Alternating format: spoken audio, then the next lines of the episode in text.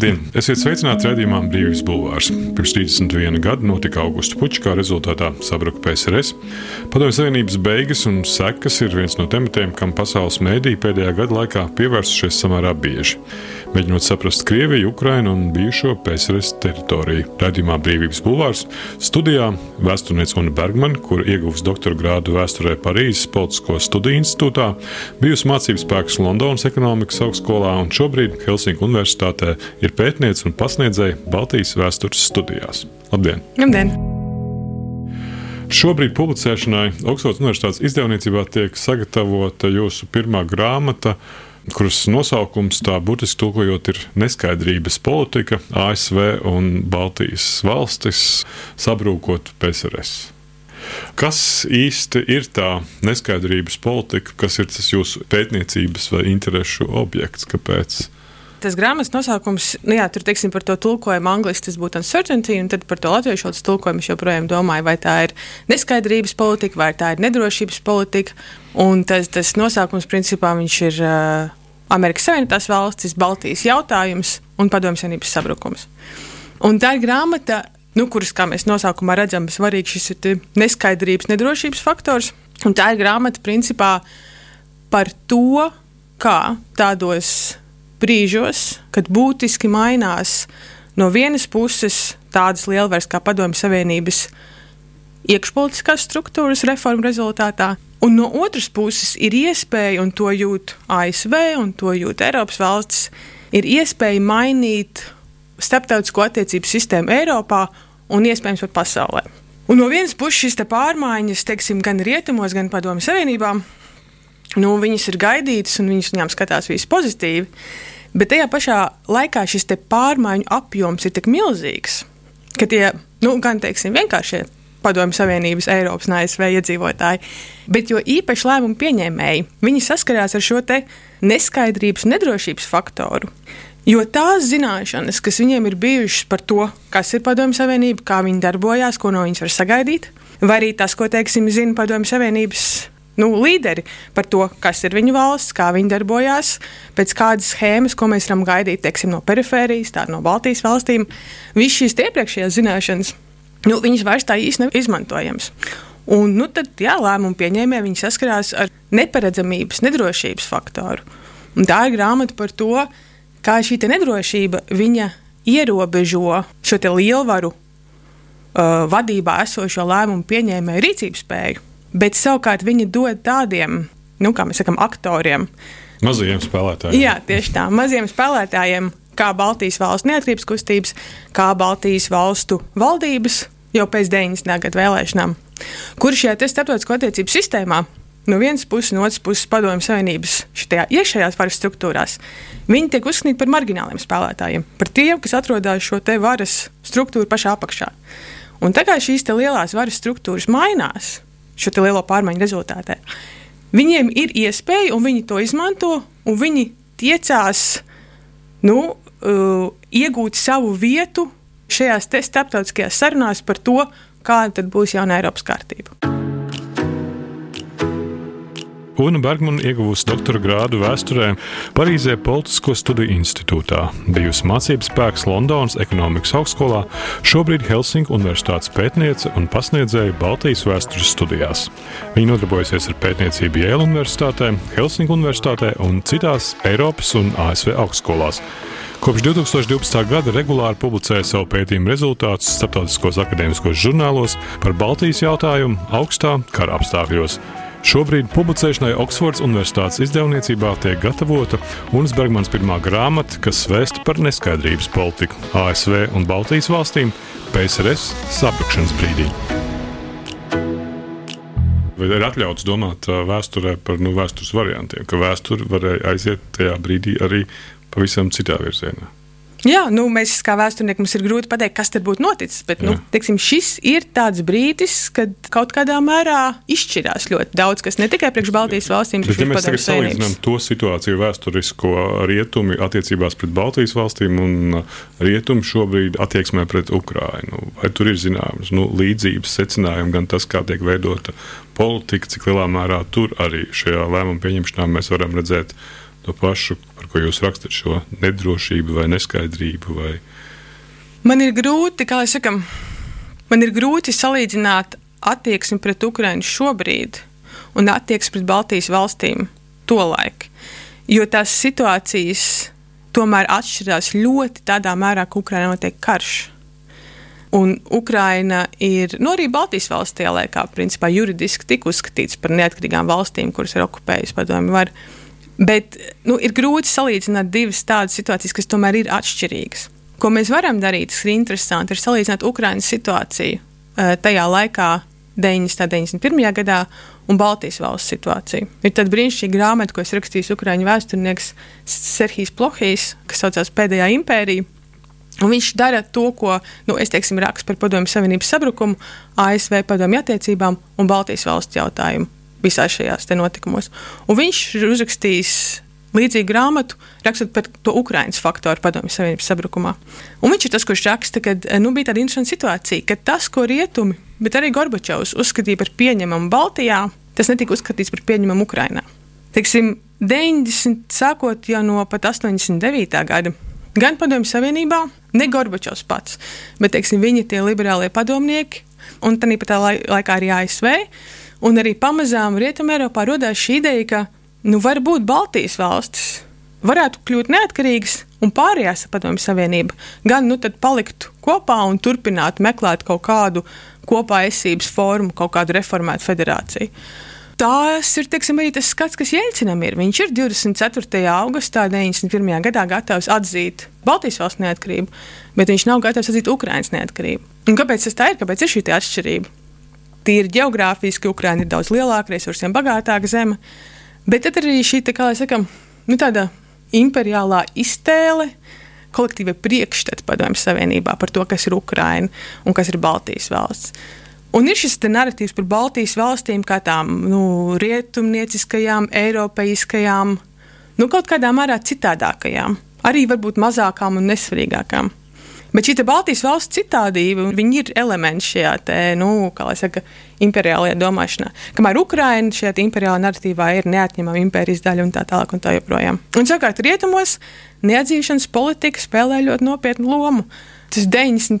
gada pavasarī Brents Kofkrofts, kurš ir um, ASV prezidenta drošības padomnieks, viņš, viņš raksta Džordžam Bušam ziņojumu, kurā viņš saka, nu agrāk vai vēlāk mums būs jāpasaka, ka mēs atzinām Padomju Savienību 32. gadā un ka tādās robežās mēs arī vēlamies, lai Padomju Savienība turpina eksistēt. Tas principā nozīmē Baltijas valsts, kurš pievienoja 40. gadā, viņu neatkarību mēs atbalstam, Bet nu, pārējie, mēs neatbalstām pārējās padomju savienības sadalīšanos. Un tad, piemēram, kad Džims uh, Beikers, kas bija valsts sekretārs tajā laikā, tad viņš ļoti līdzīgu domu arī teica televīzijā.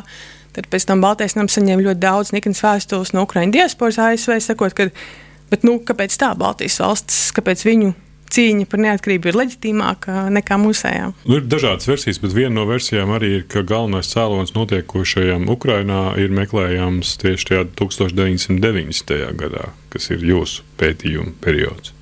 Nu, vai PSRS sabrukums turpinās, varētu arī pārfrāzēt to jautājumu. Kā jau teicu, jā, kaut kādā ziņā mēs mūsdienās ir ļoti daudz un dažādi gan mēdījos, gan teiksim, lēmumu pieņēmēji. Viņi cenšas nu, skatīties tajā periodā, kas ir 90. un 91. gadsimts, un arī tas laiks pēc tam, kā tika menedžēts šī pārēja no, pado, no attiecībām ar Padomju Savienību uz attiecībām ar Krievijas federāciju. Un, teiksim, ilgu laiku ir bijis arguments, un joprojām eksistē nu, rietumu historiografijā, literatūrā, arī mēdījos par to, ka šīs padomju savienības, brūkošās padomju savienības intereses un Krievijas federācijas intereses netika ņemtas pietiekoši vērā tad tas arguments būtu, nu, ka Krievija jutās uh, aizvainota, jo viņas tas iepriekšējais lielvaras status netika vairāk ņemts vērā. Bet tas, nu, šis arguments, kā jau saka, viņš balstās tādā, nu, kaut kādā ziņā arī uh, rietumu pašpārliecinātībā un arogancē. No šīs perspektīvas, principā, izriet, ka ASV vai rietumu valsts ir spējīgas ietekmēt ļoti lielā mērā procesus Krievijā. Un šis arguments rietumi neizdarīja pietiekoši, un tāpēc Krievija nekļuva pietiekoši demokrātiska. Uh, nu, tas kaut kādā ziņā jā, tāds vainas narratīvs, pašapsūdzību narratīvs rietumos, bet tajā pašā laikā viņš tiek pieņemts ka rietumu spēkos vai ASV spēkos ir ietekmēt ļoti būtiskus, dziļus vēsturiskus, politiskos procesus tādā milzīgā valstī kā sākumā Padomju Savienība un pēc tam Krievijas federācija. Nu, es īstenībā neesmu pārliecināts, ka tas tā ir. ka, protams, ka starptautiskās attiecībās notiek šī miedarbība, un mēs kaut kādā mērā varam ietekmēt procesu savās kaimiņu valstīs vai, teiksim, tuvākajos reģionos. Bet to uzskatīt par kaut kādu rietumu atbildību, to, kas notiek Krievijā, nu, tas ir diezgan nereāli. Kad nonācāt un pētījāt uh, Teksasā Buša seniora vārdā nosauktajos uh, arhīvos šo Baltijas valstu neatkarības perioda dokumentus, kas bija tas pārsteidzošākais priekš jums, jūs pašs, jo pēdējā gada laikā tieši arī Krievijas kontekstā, un ne tikai parādījās daudz jaunu dokumentu, gan saistībā ar Helmutu Kolu un uh Baltijas valstu neatkarību. Špīgels publicēja gada sākumā vairākus jaunus dokumentus, kas lika interpretēt, vai un kāda varēja būt varianti Baltijas valstu neatkarībai. Kas bija tas pārsteidzošais, ko jūs ieraudzījāt tur? Visa tā pieredze bija ļoti interesanta. Tur bija ļoti daudz lietas, kas man pārsteidza, un tie pārsteigumi pārsvarā, nu, bija, kā lai saka, interesanti un pozitīvi tādā ziņā, ka tā uzmanība, kas tika pievērsta Baltijas valstīm, bija daudz lielāka nekā es to biju gaidījis. Teiksim, tā, kad es sāku doktorantūrā pie tā visa strādāt,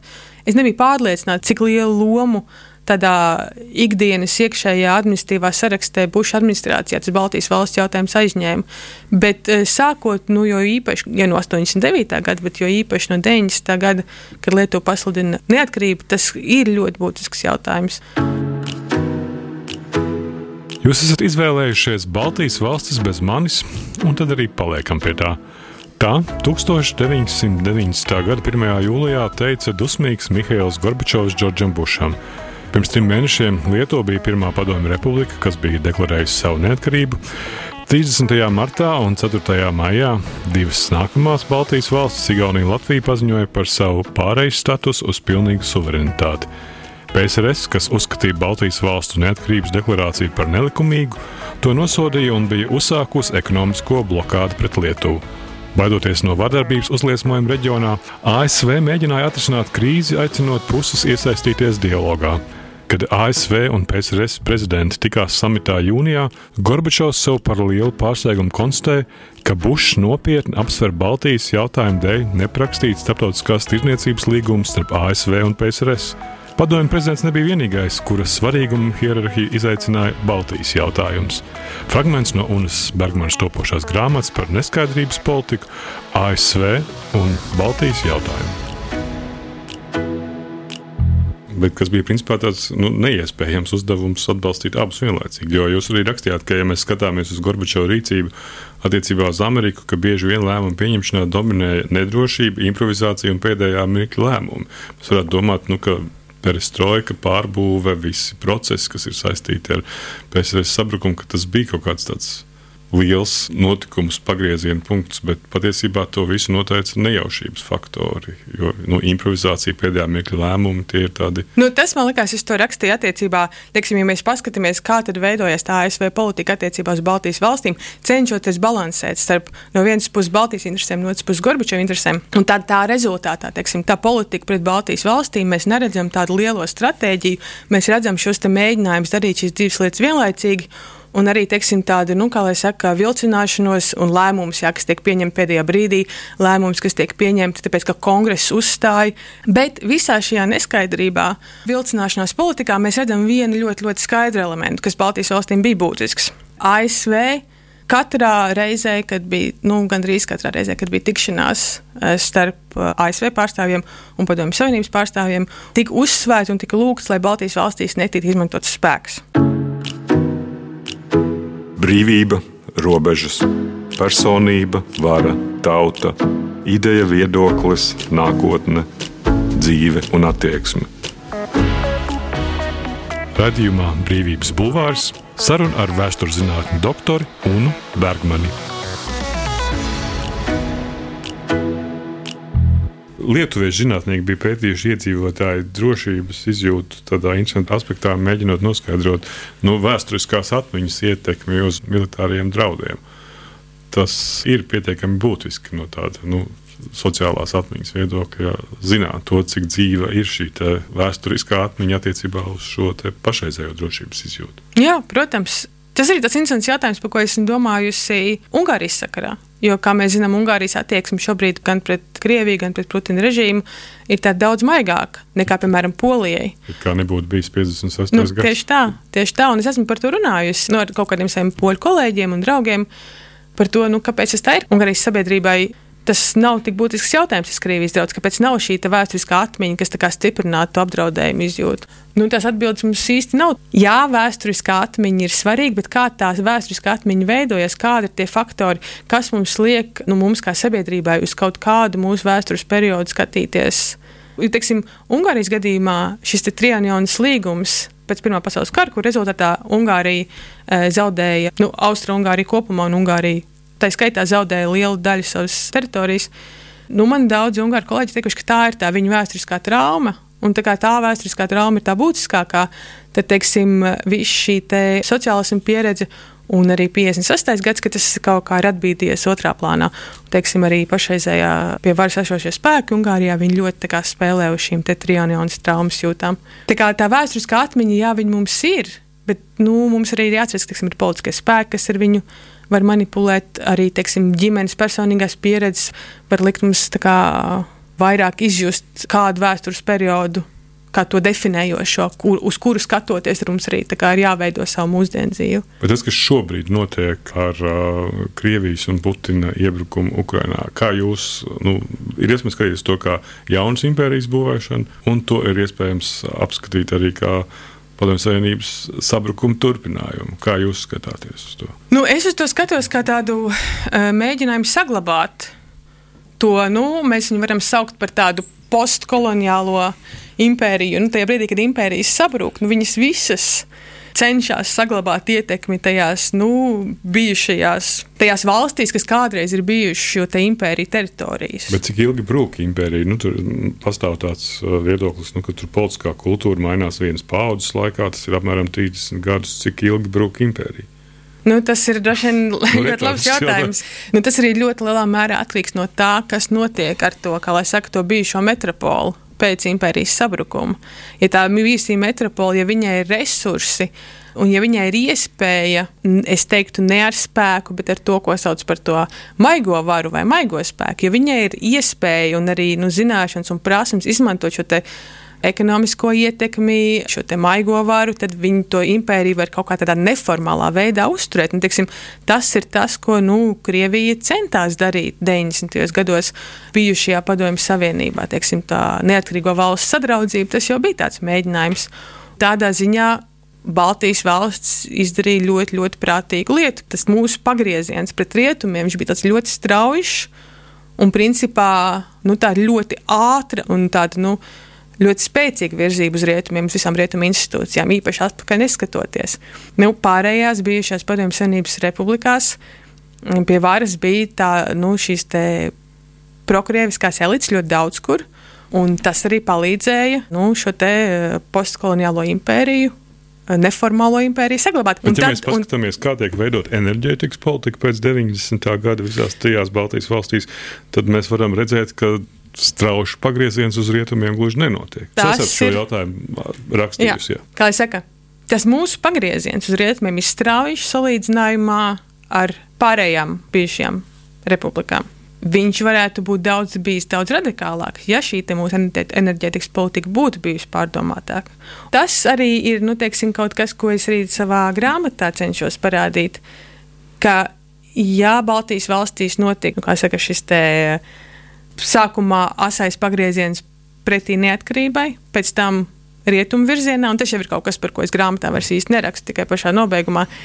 Bet tas nekad nebija, kā lai saka, tāds automātisks. Tā vienmēr bija iekšējo uh, politisko procesu, iekšējo diskusiju, iekšējo strīdu, iekšējo politisko cīņu rezultāts. Un mēs redzam, nu, tā mūsu enerģētikas politika nu, ir sekas tam, ka šiem te nu, promaskaviskajiem spēkiem, kas reizēm politiski iemeslu dēļ, bet ļoti bieži vienkārši finansiālu, materiālu, ekonomisku iemeslu dēļ ir vēlējušies saglabāt šīs saiknes ar Krieviju, nu, viņiem ir bijusi ietekme mūsu politikā. Un, ja tas tā nebūtu, tad mums būtu pilnīgi cita enerģētikas politika. Un tas varbūt arī kaut kādā mērā, iespējams, arī ir eh, sekas tam, nu, ka neviens tieši tāpat kā mēs pārmetam rietumiem, ka viņi ir bijuši naivi attiecībā uz Krieviju arī mums, es domāju, ka ļoti maz bija to cilvēku, kas būtu gaidījuši kas patiešām rēķinājās ar to, ka notiks Krievijas iebrukums Ukrajinā.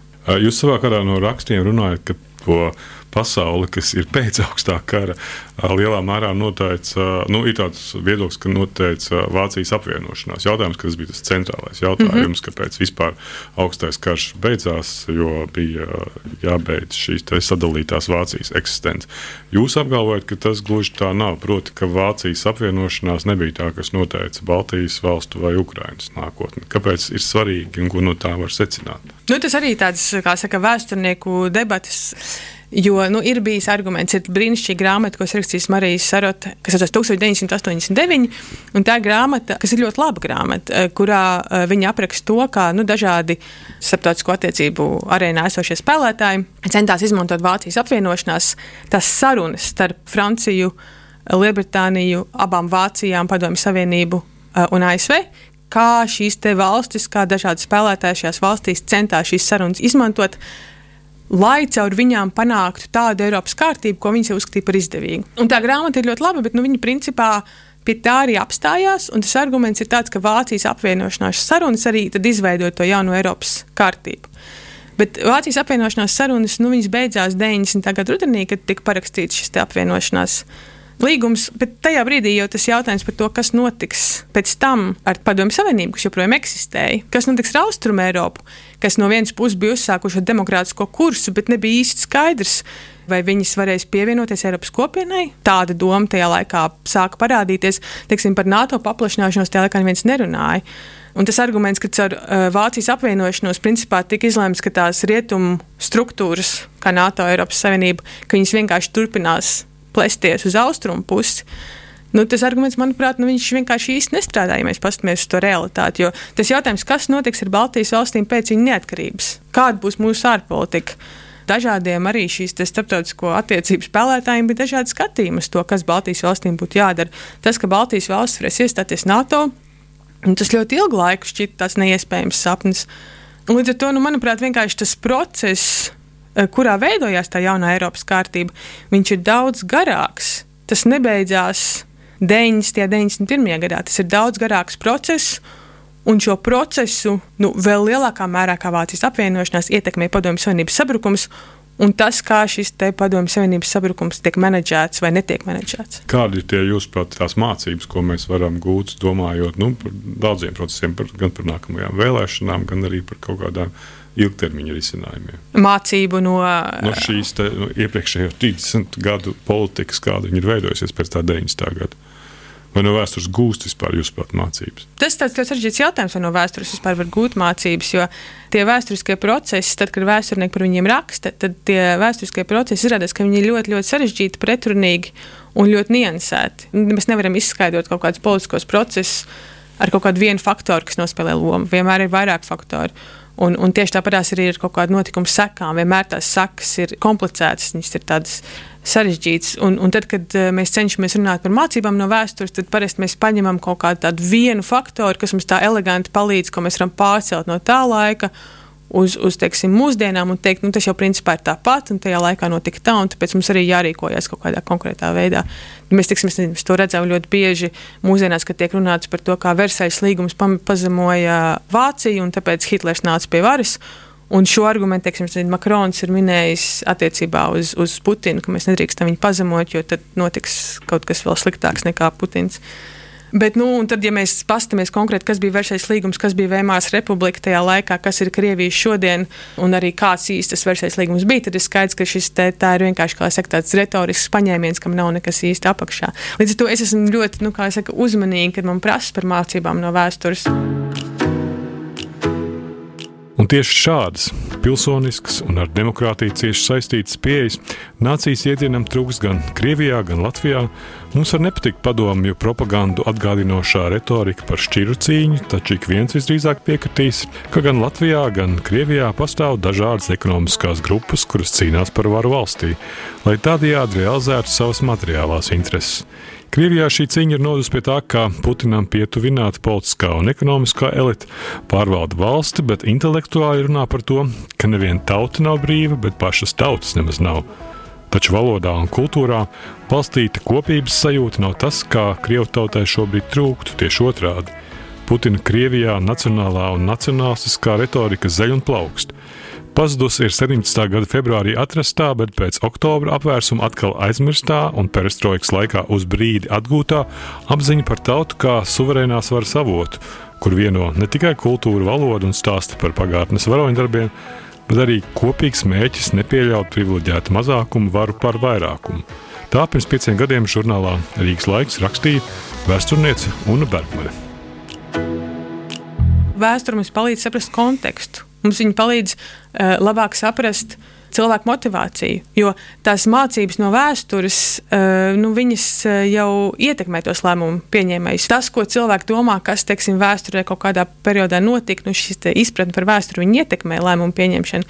Viņi palīdz arī saprast kontekstu, motivāciju tam, kā cilvēki rīkojās mūsdienās. Un, protams, mēs varam skatīties arī uz kaut kādām līdzībām un domāt par to, kā līdzīgi procesi pagātnē, pie kā viņi noved. Mums nevajag domāt, ka tas notiek novadīs pie tieši tā paša, kas ir noticis kādreiz pagātnē, bet mēs varam skatīties, ka, nu, ja mēs ejam šo ceļu, kas tur galā var būt, vai arī citu ceļu, un kas tādā gadījumā var notikt. Nu, mēs redzējām pēdējā pusgada laikā nu, diezgan bieži tādā politiskā līmenī, nu, ne līdz galam izteiktu rietumu izpratni par to, kas ir Austrum Eiropa, kas ir šis reģions, kas ir šī reģiona vēsture. Dažus mēnešus atpakaļ mēs redzējām kādu būtisku kaut kādu aspektu mājiņu, nezinu, Madrides samitā, jau citu līmeņu lēmumu attiecībā uz Baltijas valstīm tiek pieņemti un tam līdzīgi. Tas nozīmē, ka Jūs arī esat nu, pētījusi daudzās un dažādās universitātēs, Austrumēropas vēsturi, sākot no ASV un beidzot ar nu, Lielbritāniju.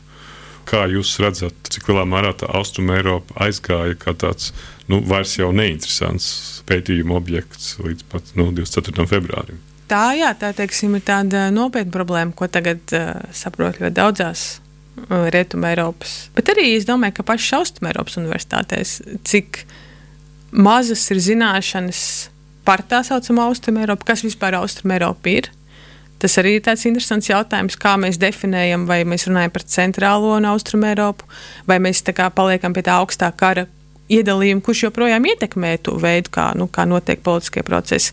Bijusi austrumu Eiropa tāda, kā viņa bija augstā kara izpratnē, vai mēs skatāmies jau uz kaut kādām citām konfigurācijām, teiksim, tas, ka daļa valsts kā Ungārija, Čehija, Polija, Baltijas valsts mūsdienās ir Eiropas Savienībā, tad līdz to tā nu, kaut kā ziņā vairs nav tāda pati austruma Eiropa kā Ukraina vai, vai Baltkrievija vai Moldova.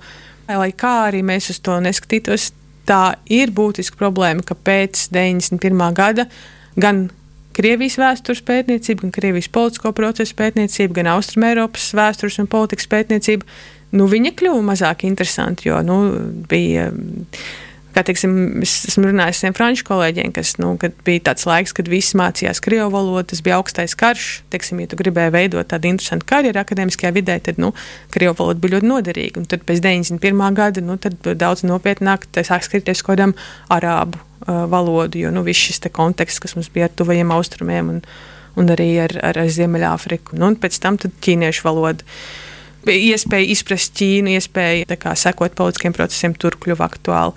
Bet, nu, protams, ka 24. februāris kā, kā saka, ir pilnībā atkal pagriezis to svarīgumu hierarhiju kaut kādā veidā nu, izmainījis. Kas ir svarīgi un kas nav svarīgs starptautiskajās attiecībās, no kurienes var nākt draudi, no kurienes viņi nevar nākt. Paldies! Paldies! Tas bija Radījums Brīvības Bulvārs. Studijā bija vēstures zinātņu doktore Una Bergmane, kur strādā par pētnieci un pasniedzēju Helsinku Universitātē. Radījuma vadīga Inns Krūbe ierakstīja Toms Šits un montēja Nora Mitspa. Brīvība ir brīvība, nevienlīdzība vai taisnīgums, vai kultūra vai cilvēks laime. Tā teica Iesai Berlīns. Sarunas ar brīvas apziņas un ideju cilvēkiem radījumā Brīvības bulvārs.